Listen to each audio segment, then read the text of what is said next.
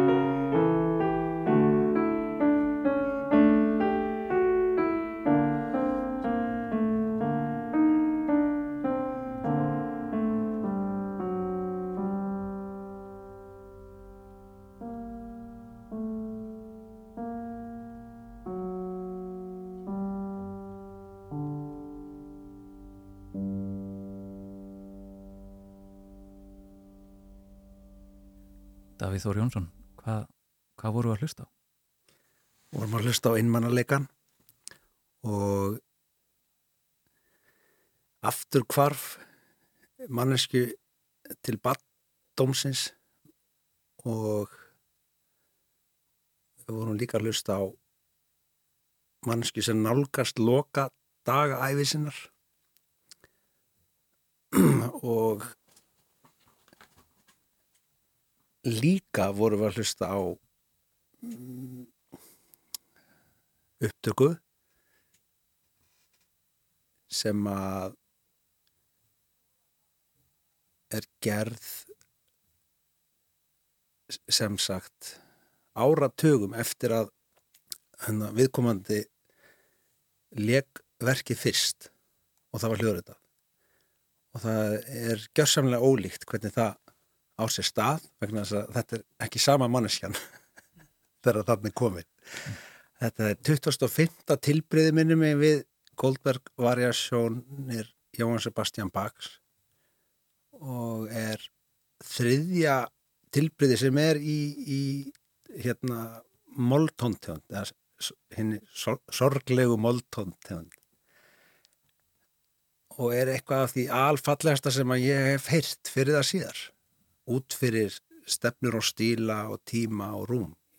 Og það er eitthvað mjög dýrmætt og, og djúft í þessum fluttningi sem að ég mun ekki geta eh, látið orð fanga. Þannig ég hef reynd að nálgast að kannski að hlusta eins ofta og ég geta á þetta og, og spila þetta sjálfur gerna sem svona atkvarf fyrir einmannarleikan og, og, og líka fyrir gleðina, það er líka djúbstæð gleði inn í þessu. Mm. og sem tónsmýð finnst mér þetta að vera líka svo ferst og fullt af óvæntum hérna, vindum. Allt í hennu stoppar einn nota og næsta fer í hín áttina frekar en aðra átt þannig að það er svo mjög terleiki og skýrleiki í tónsmíðin sem slíkri maður, það er ekkert vist að maður myndi fyrst hugsa að þetta væri bak og það eru vísanir í uh, til dæmis með minnir að þessi físmál pianokoncert Mozart sem að nánast alveg kemlík byrjun. Uh, sem sagt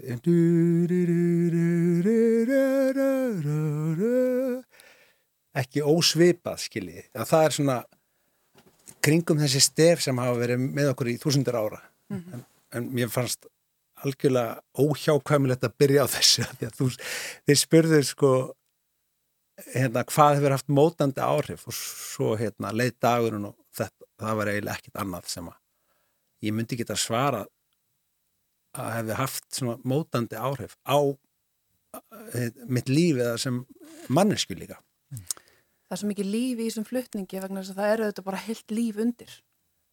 Já, það er alveg þannig.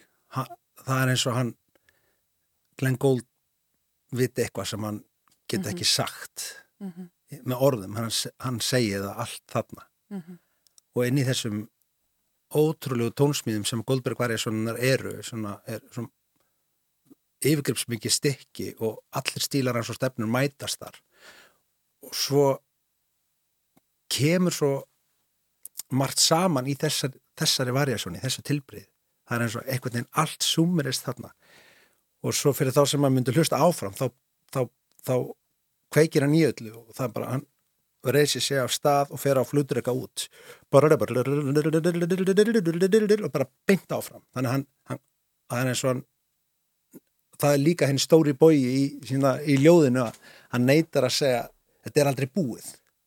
Mann langar sko helst að þetta sé búið þarna en svo þegar hann heldur áfram og bara stuttur nokkrum sekundum eftir að mann heyrir næstu, næsta tilbreyði þá áttar maður sér á því að þetta er ekki við erum ekki bundin við okkar eigið sjálf, okkar eigið líka maður við erum bundin sem vera sko allt tengist og kynsluðir mm. við erum afkomundur og svo eignust við afkomundur mm. og í, þar finnst mér tónlistin vera. Hún er nánast eins og að fylgjast með okkur. Svo komum við bara og förum mhm. hægri vinstri. Og við erum, ég með þetta er 300 ára gamalt stykki. Og þetta er og verður spilað næstu 300 ára, sérlega næstu 3000 ár mögulega Hann er auðvitað alltaf að grýpa augnablikið í flutningnum og það er náttúrulega það sem að fælst líka í þessum spuna sem að þú ert auðvitað stöðut að vinna með. Það mætti eiginlega segja að þú væri spuna listamöður. Er það rétt? Já, bara Orð. takk fyrir að orða því ég mun ekki geta orðað sjálf jú, ég skal alveg gangast í því og minn skilningur og, og tilfinning fyrir spuna er sama og, og fólk leggur í flæði eða, eða í að semja semja í þessu tilviki tóna hljóð og, og um, setja saman form eða, eða óform eða í, sama í hverju það fælst þetta er svona orðið fullt uh, þraungur rammi sem að orðinu spuni hefur verið settur gegnum tíðina og en margir af þeim allra bestu brjótast út úr þessu langt út fyrir form og, og tíma og það heyrist mjög greinlega á þessari varjasjón að maðurinn sem að skrifa þetta var spunalistafæður mm -hmm. og spann upp úr sér og það hefur þekst meðal allra þeirra sem hafa framið músík uh, og hérna, tónskáld og, og já, þeir sem drífa með að leika sér að þessu. Það, er náttúrulega það sem þetta ætti að vera. Við ættum að vera að leika okkur og stundum leikur okkur uh, mikið á brjósti eða eitthvað þungt í hjarta að og þá þurfum við líka að fá útrás að, það er allt litrófið sko. en já spuna listamæður, það kannski nær líka kannski út fyrir tónlistina því að mitt samstarf í, meðal annars við Ragnar hefur hérna grafist þess að ég hef einmitt þurft að fara þá út fyrir það.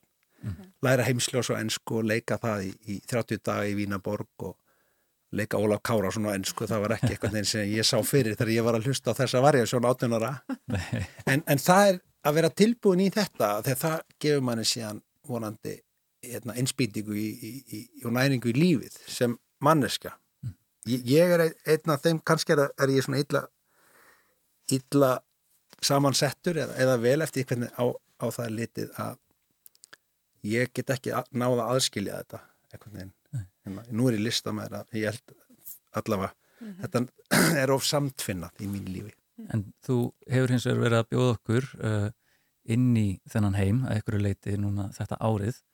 Þú ert uh, staðalistamæður í Kópavogi og hefur verið að bjóða upp á spuna þríleik þar uh, núna fyrst í, í mæ og síðan í ágúst voru haldinstónleikar á sunnudegi þegar sól var hæst á lofti og síðan eru þeir þriðju uh, síðustu tónleikar framöndan.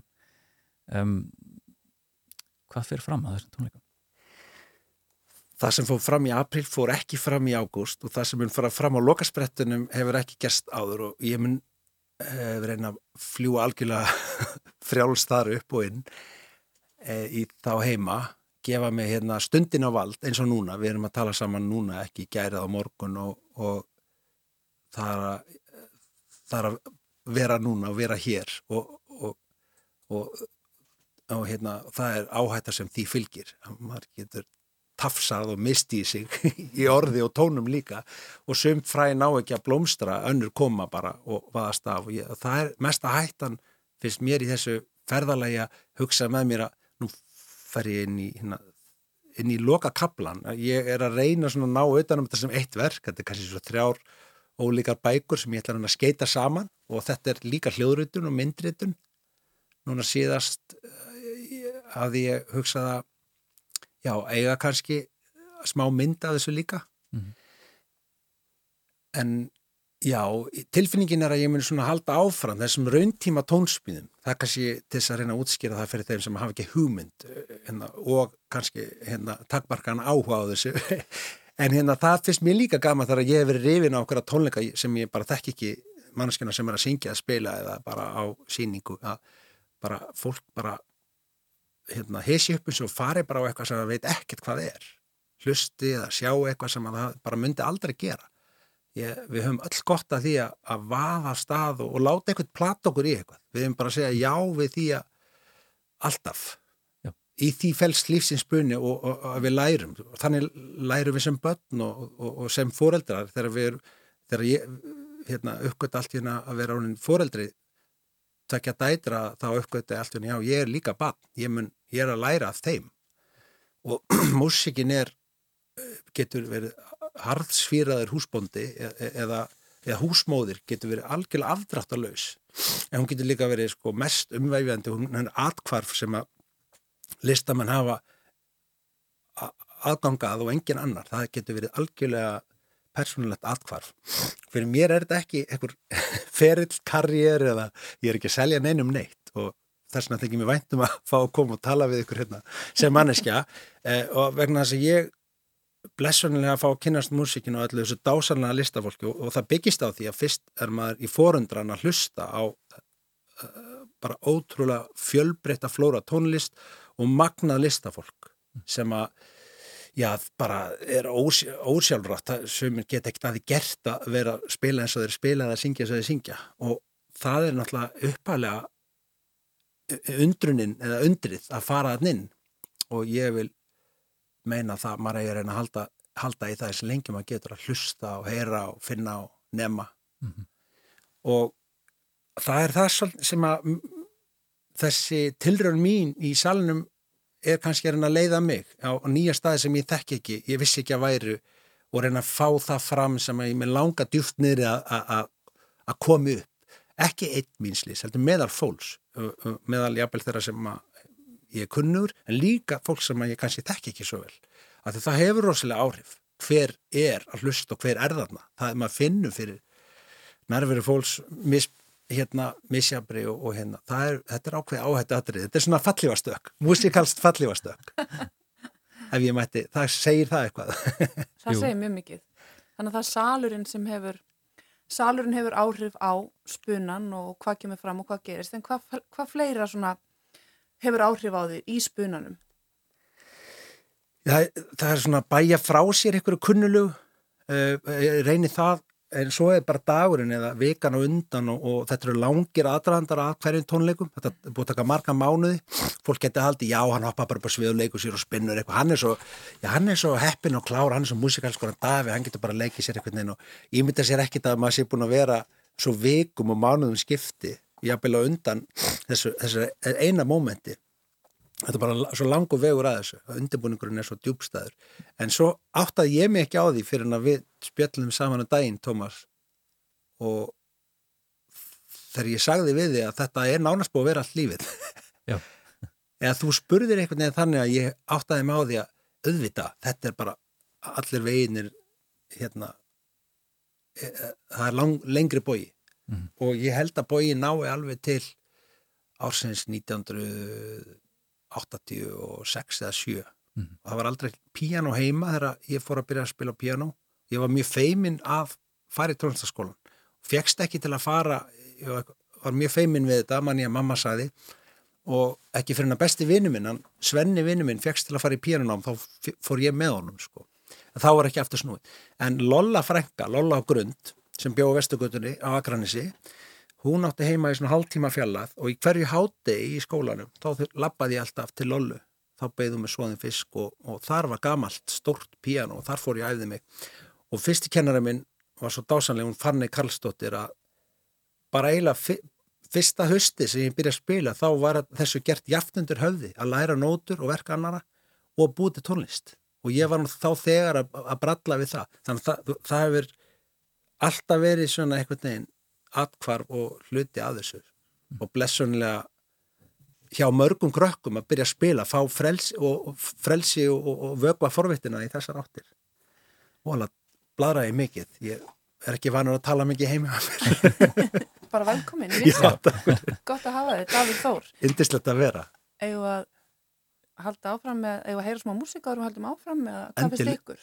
Ekki fá eitt lag. Jú, endilega Hvaða, hvaða lag setja fónu? Það er rött sem hefur líka verið með mig síðan ég var ungur og, og margir okkar þekka, þekka en það er eins og hún sé sko mjög forn, það er eitthvað í henni. Hún saðist sjálf vera konunglegum ættum vera royal frá Afríku en hún hún, hún er líka risastór listakona út fyrir út fyrir tólestastefnur stíla og hún og jafnvel nánast svona út fyrir hérna, já, tegundir af tónlist. Og svo er eitthvað hluta vegna, fyrst er ég herði inn í bara ungu strafgur, ég manni var í kjallaranum í Kóthúsum Kóthús eru gamla húsi sem við áttum heimi og þar var ég með gamla skemmtara niðri og, og Danni bróðir spila á, á gítar og svona vorum að tengja hérna orgelið í einhvern lítinn gítamagnara og það var líka trommu sett upp á efri hefðinu eitthvað svona vorum að bara þess að ég maður þegar ég heyrði í henni og þá heyrði ég lag sem að svona flestir muna vel eftir.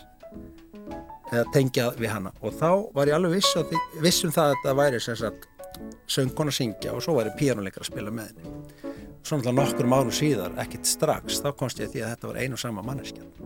En hún var eins og heil heimur.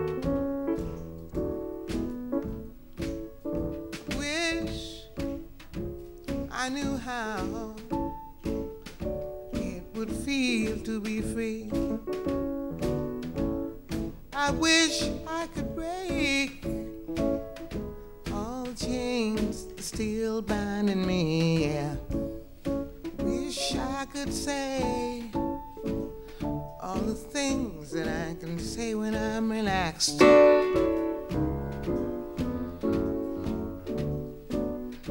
I'd be starting anew. Wish I could be like a bird in the sky. Don't leave me. How sweet it would be to find that I could fly. I'd soar to the sun and look down at the sea. Then I'd sing, cause I know be free. Then I'd sing, cause I know how it feels to be free. I wish I could share all the love that's in my heart. Wish I could break all the things that bind us apart. Wish you could know to be me. And you'd see, you'd agree. Everybody should be free, cause if we ain't, we're murderous. Wish I could be like a bird in the sky. How sweet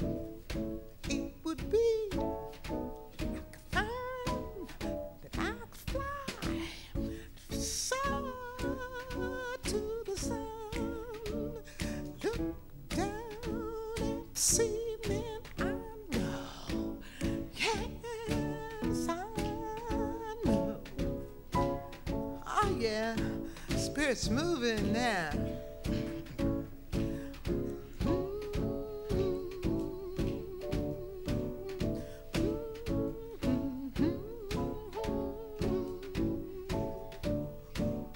I know, got news for you, I already know. Jonathan Livingston Seagull ain't got nothing on me.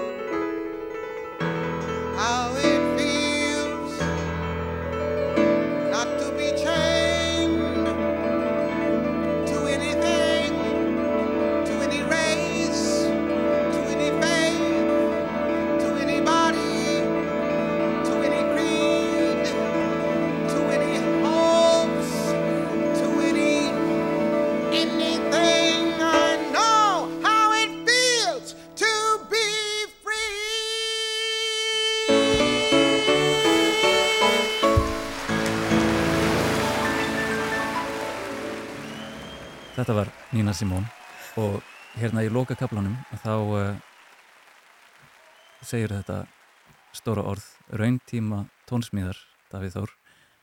Við tölum um það áðan en kannski skilgrendum það ekki almenlega Hva, hvað eru rauntíma tónsmíðar?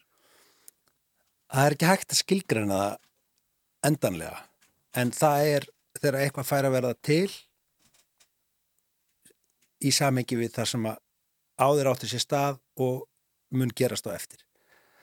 Og þetta er mjög tær mynd af katensu þetta er rauninni katensa sem að nýna leikur í byðstöðu og er að ná einhverju niðurstöðu í lægið og ljóðið og mómentið.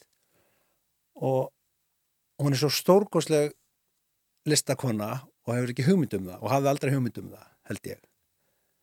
Um, og þarna er hún bæði að spila að piano kadensu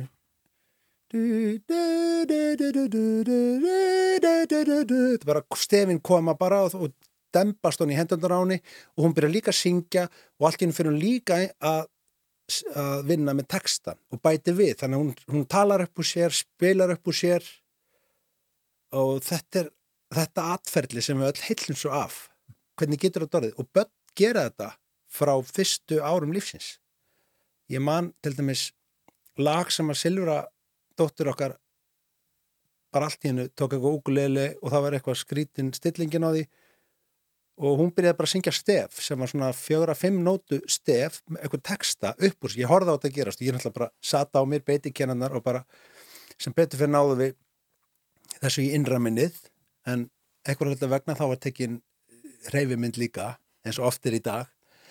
En ég man þetta, ég held í munlæðið hérna Úl, hérna, úlfuninn ljóti, ljóta, ljón, úlfuninn ljóti, ljóta, ljón, leininni, ljóna, ljóna, ljóna, ljóna, eitthvað svona. Þetta er náttúrulega bara frekar einfalt stef, en er alltaf texti og lag og fyrir mér er þessi staður ekki bundi við neina eina mannesku, þegar við erum upptekinn í dag í þessari, hérna, í þessari, sko, í þessari gífulegu hérna, efnishyggju og þessari sjálfshyggli sem við erum að reyna að ala fólk á og lifta fólki upp í ykkur hæðir og svona uh, og þó, þó ég sé að gera það hérna en ég ekki í þess, þeim skilningi. Það sem ég er að meina er að, að þetta er svo sameinlegt þetta er svona þetta er sem sagt gimsteinin eða, eða auðavinn í tónlistinni eru bara þessi sameinlegi menningarlegi andlegi samfélagslegi auður sem er óendalegi og nær út fyrir tím og rúm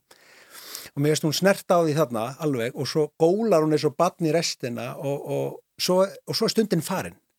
Og ef maður horfir áfram inn í tónleikana þá kemur alls konar glundir og óreið, glundróði og óreiða áfram og, og þá kom alls konar skref bara út af og bara stór hættulegt ástand sem er að eiga sér stað hjá manneski sem er líka bara fram á, á bjargbrúninni í sínu eigin lífi og þetta fara nánar út í það en ég kannski gerir það ekki núna þegar við erum að ræða tengingarnar Amen. þetta er annað sem er og bara eitthvað í röttinina sem muniði getur eitthvað í frængu eða ömmu eitthvað í röttinni mm. kannast við þessa í ákveðinni rött sem er bara meðmanni mér finnst þessi röttin í nínu er, er eitthvað svona sem hefur alltaf verið þarna líka mm -hmm. og það er spurning með síðan um, það sem ég var til að vita er fyrir þér sjálfum aðskilir þú uh, rauntíma tónsmíðar þá og, og spunan eða rennur þetta saman að eitthvað lit? Já, þetta rennur saman mm -hmm. og ég verði að reymbast við það að skrifa músik líka yfir lengri tíma sem að ég liggur ekki ja, auðveldlega fyrir mér eða það liggur svo vel fyrir mér og ég hef alltaf verið að rækta þetta bara setjast nöður og, og leifa og, og sérstaklega í þessu tilbreyðaformi talandi um Goldberg þá er, þá er þetta tilbreyðaformi svo magnað. Og, og, og það er til dæmis eitthvað sem við höfum alltaf sem skeppna verið að gera. En að yfir kaldan eðisand er sungið við yfir kaldan eðisand einnum nótt ég sveima. Eða yfir kaldan eðisand einnum nótt ég sveima. Annarkort notum við sama ljóð við mismöndi lag eða við notum sama lag við mismöndi ljóð skiljið, orð, texti þannig að eh, tilbreyðaformið er, er eitthvað neginn þetta form sem að ég held að all, all tónskald sé á einna annan hátt að vinna með. Og hérna, þeir sem sækja í að búið tónlist sæki í galdurinn sem er eitthvað eitthva, eitthva gló, eitthva glóandi sköpun. Og stundum bara í dagunum þannig að það gerist ekkert. Og þá er yfirleitt kannski betra að vera bara einn í herbyggi að vera að skrifa þegar þú getur bara að labba át úr herbygginu en eins og í þessu tilviki mínu þá er, er þetta gerast upp á sviði meðal fólks. Það er ekki alveg í bóði fyrir mig allt inn að segja, herðu, þetta er ekki alveg dagunum minn í dag, ég ætla að fara át á svið. Og þessin er þetta kannski búin að vera svona langur aðrandi fyrir mig og ég og núna er ég ekkert að hugsa um það sko, að ég hef lóksins bara gengist við einn takmörkunum.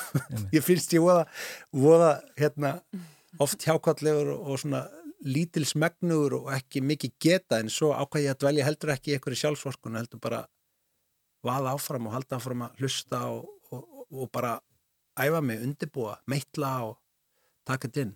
Mm -hmm. en ég finn eitthvað svona þrá og eitthvað svona glóandi eld sem að ég, mér langar að deila og vera með og, og sem er hluti. Þannig að ef ég myndi ekki finna það myndi ég gera eitthvað annað. Ég væri sennilega tamningamæður meðal hrossa og væri að nekta hunda og svona. Ég alveg, alveg talað sko. Ég myndi ekki kjósa að fara upp á svið til þess að fá launatekkan sko. en ég rukka samt fyrir vinnum skilur, en þið veitir hvað En hvena vissir þú, Davíð að, að þú gætir orðið tónlistamæður og að þú vildir vera tónlistamæður Ég var 12-13 ára. Ég ég vissi að tónlist er alltaf ó, órjúvanlega hluti af lífinu, bara að komast af andlega. Og, og það er það sem ég finn fyrir og hef alltaf fundið fyrir í allir þessari tónlist og við kannski þegar við heyrum hvað sem er nýna eða á eftir kannski heyrum við Mahalia Jackson með Louis Armstrong sem er síðan hérna kynnslóðuna undan Nínu Simón og nota benni valdi þetta að þetta er sama efni. Fyrir mér er Goldberg Varjason með 25 og Nína syngja þetta og Mahalia syngja Just a Closer og heyra Louie og jafnvel Ellu syngja Görsvin útfærslur It ain't necessarily so skiljið þetta er fyrir mér er þetta sama lífi, sami eldrun og, og þú veist, þannig að ef eitthvað fyrir að spila mér, já þú spila jazztólist og svona þetta einbrása eða já þú er mikið búin að spila blues, þá veit ég ekkert hvað fólk er að tala um. Að því raun og veru er þetta einn rísastór heimur. Mm.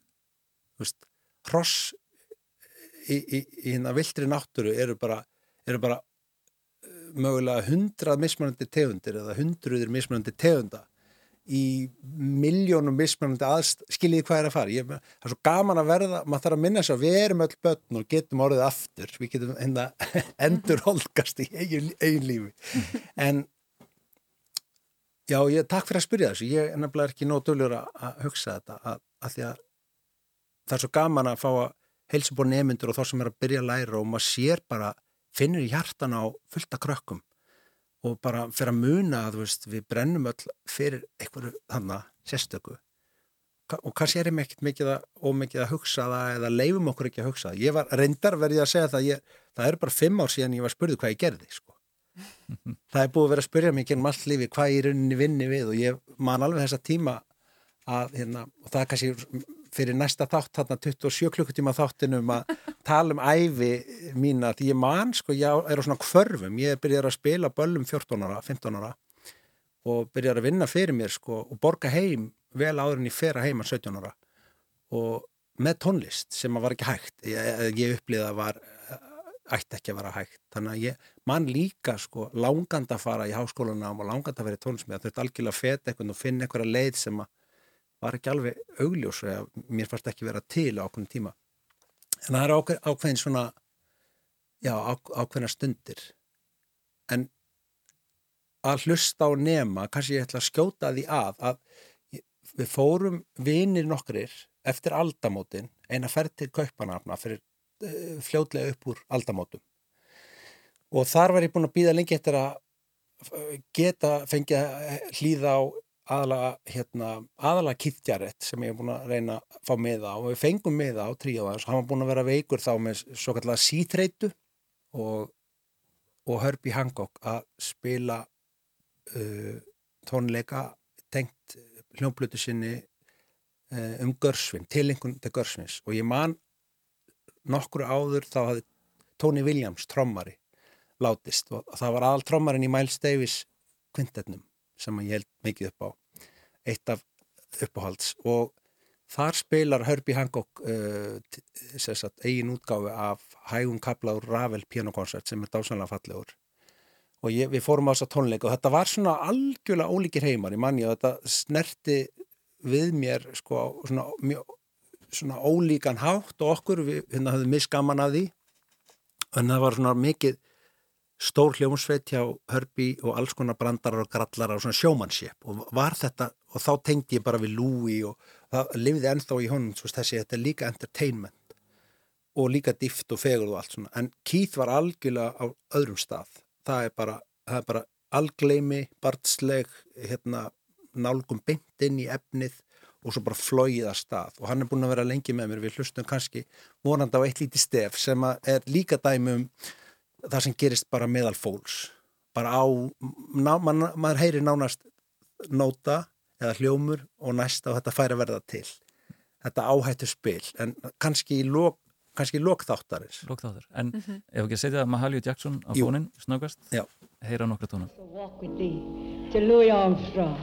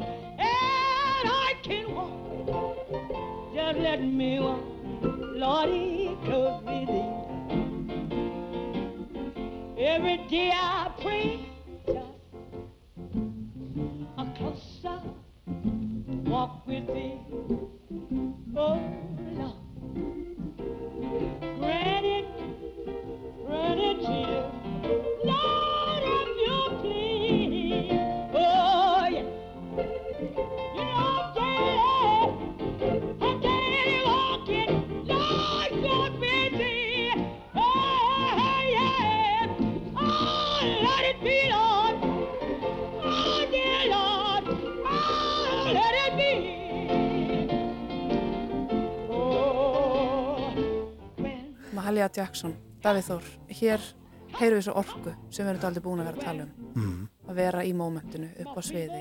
Þetta er bara lífið, hún er ekki að selja neinum neitt hana, nema bara þessa orku.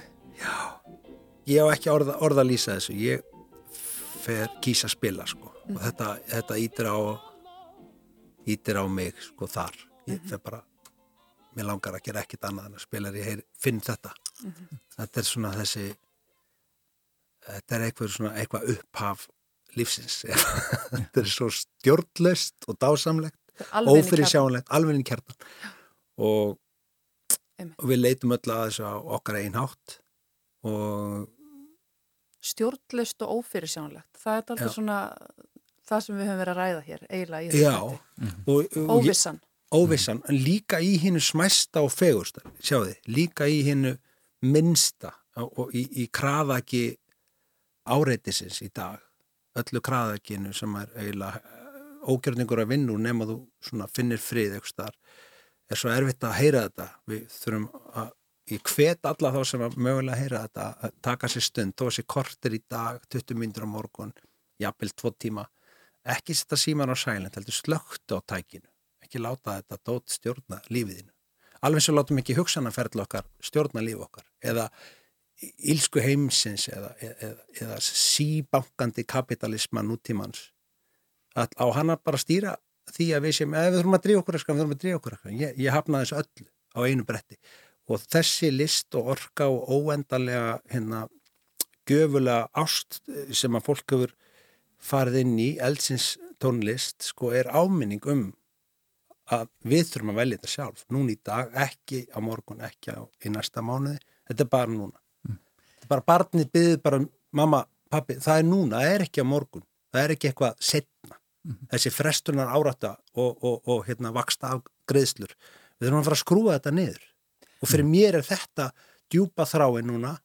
Það er líka undir niður að ég vil hvetja fólk að staldra við og bara byrjum upp á nýtt sko það er ímislegt sem við getum laga bara strax.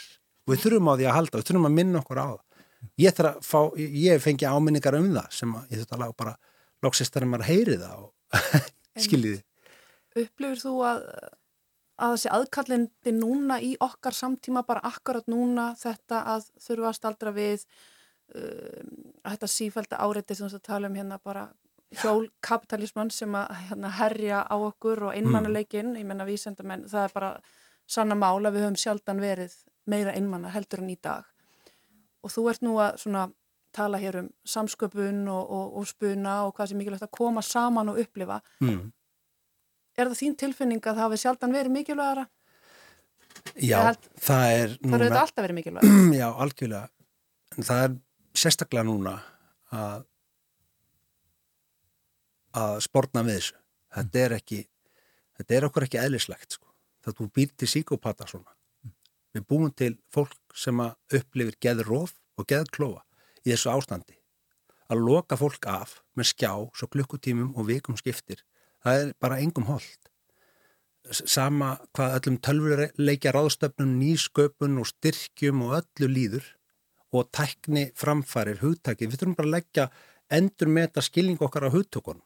Hvers konar heim, innri og ytri heim viljum við byggja og búa hvað látum við reyfa okkur og hræra.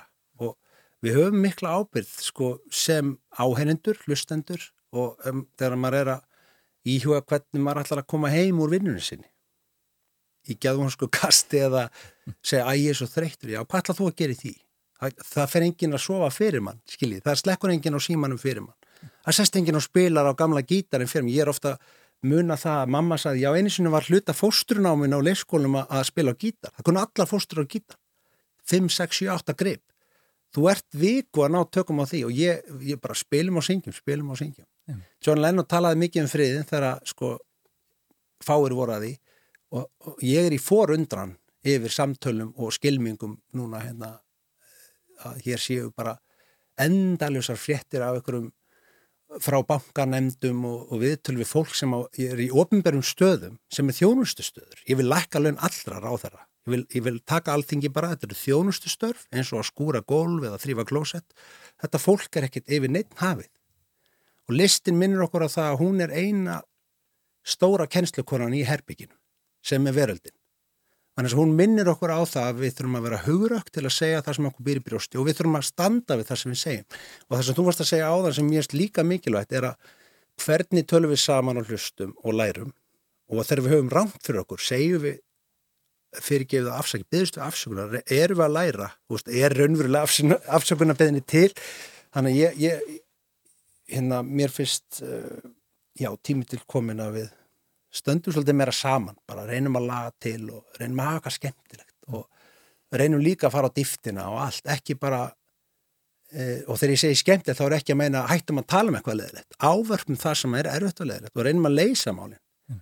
en förum ekki eitthvað eitthvað skilmingar og ég, já, með hérna friðin við þurfum að finna innri frið með okkur sjálfum og með fólkjun okkar til þess að geta driftunum og til þess að geta smitað það út í hinn ytri frið.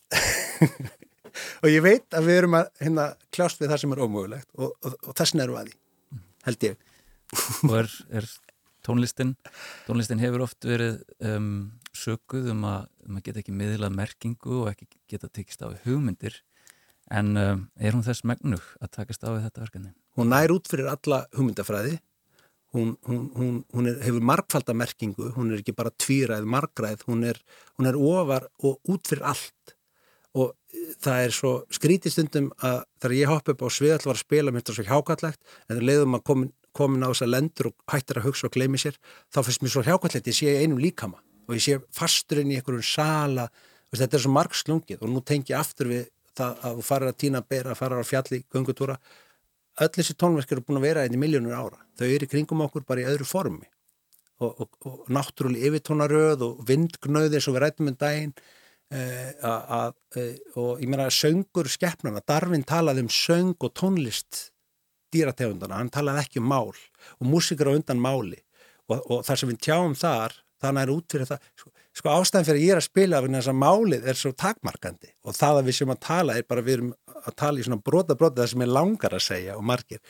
Og, og meining eins er ekki meining annars skiljið, þannig að, að hérna, það kemur kannski að þessu loka, ef við náum að hlusta aðeins á nýjundu sinfoníu Malers, það er hægur kapli sem að það sem að þetta byrtist í einni mannskefninni í einni veru eins og honum sem tónskald, það byrtast þessi pólar, þessi átök þessi ó, ólíku já, þessi ólíku, þessi ólíku pólar sem tókast á annar er algjörlega svona klár uh, og, og skeipulaður og tónsmiðurum fer að stað með stef og notast við öllu verkværi og aðferði sem tónskáldi hefur og svo er hinn upplýsti djúbvitri viskunar, jafnvel eins og maður myndi segja þá austrætna, en hvað þýðir það? Þú eru austri eða vestur, þú fer nólant í vestur og kemur austan megin, skiljiði, þannig að þú ert, þegar þú ferði í vestur þá ert í raunin að fer austur, skiljiði. Að þar eru þessi innri átök og leit, að hann sveiplast allt í hennu yfir í tómið, þar sem hann leysir upp þau form og það er aðferð sem hann er að notast við í sama verki og svo hopp, hann fer milli og hann er allt verkið eins og spurja sig hvort meina á ég að vera. Hva, hvað á ég að ávarpa? Eins og hvað er ég að ávarpa Þetta eru frábær loka orð Davíð Þór Jónsson um, spunatónlistamæður eða bara spuna listamæður, tónlistamæður, tónskáld, björnleikari, manneska, fadir, hundatemjari, hrossabóndi, berjatínari, ég veit ekki hvað og hvað. Meintur hrossabóndi vonandi. Hérna, Við ætlum að ljúka þessari svipmynd á þessari tónlist sem að þú varst hér að lýsa til að undirstryka allt það sem við erum búin að vera að tala um í rauninni í þessum þætti í dag. Við hérna Halla Haraldóttir og Tómas Ævar Ólarsson þökkum fyrir okkur í dag og verðum með ykkur eftir hér á sama tíma morgun. Ég er djúpt snortin og þakka ykkur innilega fyrir að eiga þetta spjall